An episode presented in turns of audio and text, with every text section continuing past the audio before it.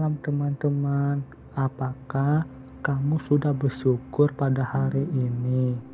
Dan apakah kita pernah menyadari seiring berjalannya waktu ada hal yang perlu kita pahami. Apa saja itu? Seperti tidak harus semua hal itu kita hadapi secara emosional dan juga tidak semua suara dapat kita dengar dan dimengerti.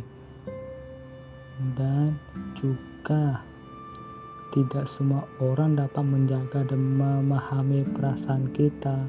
Dan marilah kita jangan terlalu bergantung kepada orang lain.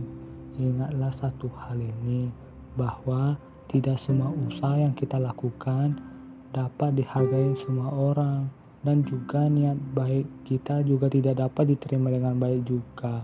Tetapi meskipun begitu, satu hal yang saya pelajari seiring bertambahnya usia adalah belajar mendewasakan diri.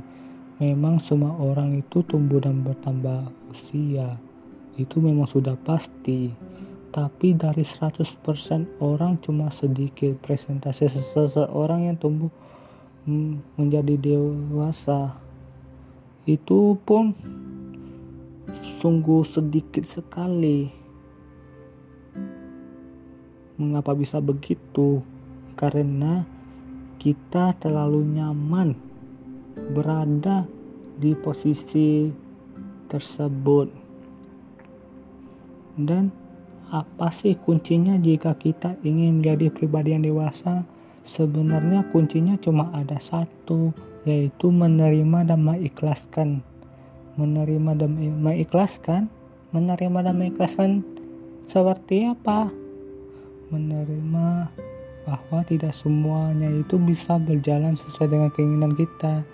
Dan mengikhlaskan bahwa hal-hal yang pernah membuat kita sakit hati bukankah itu juga merupakan proses menuju kedewasaan meskipun kamu sudah sering disakiti tetaplah jadi orang yang baik, oke? Okay?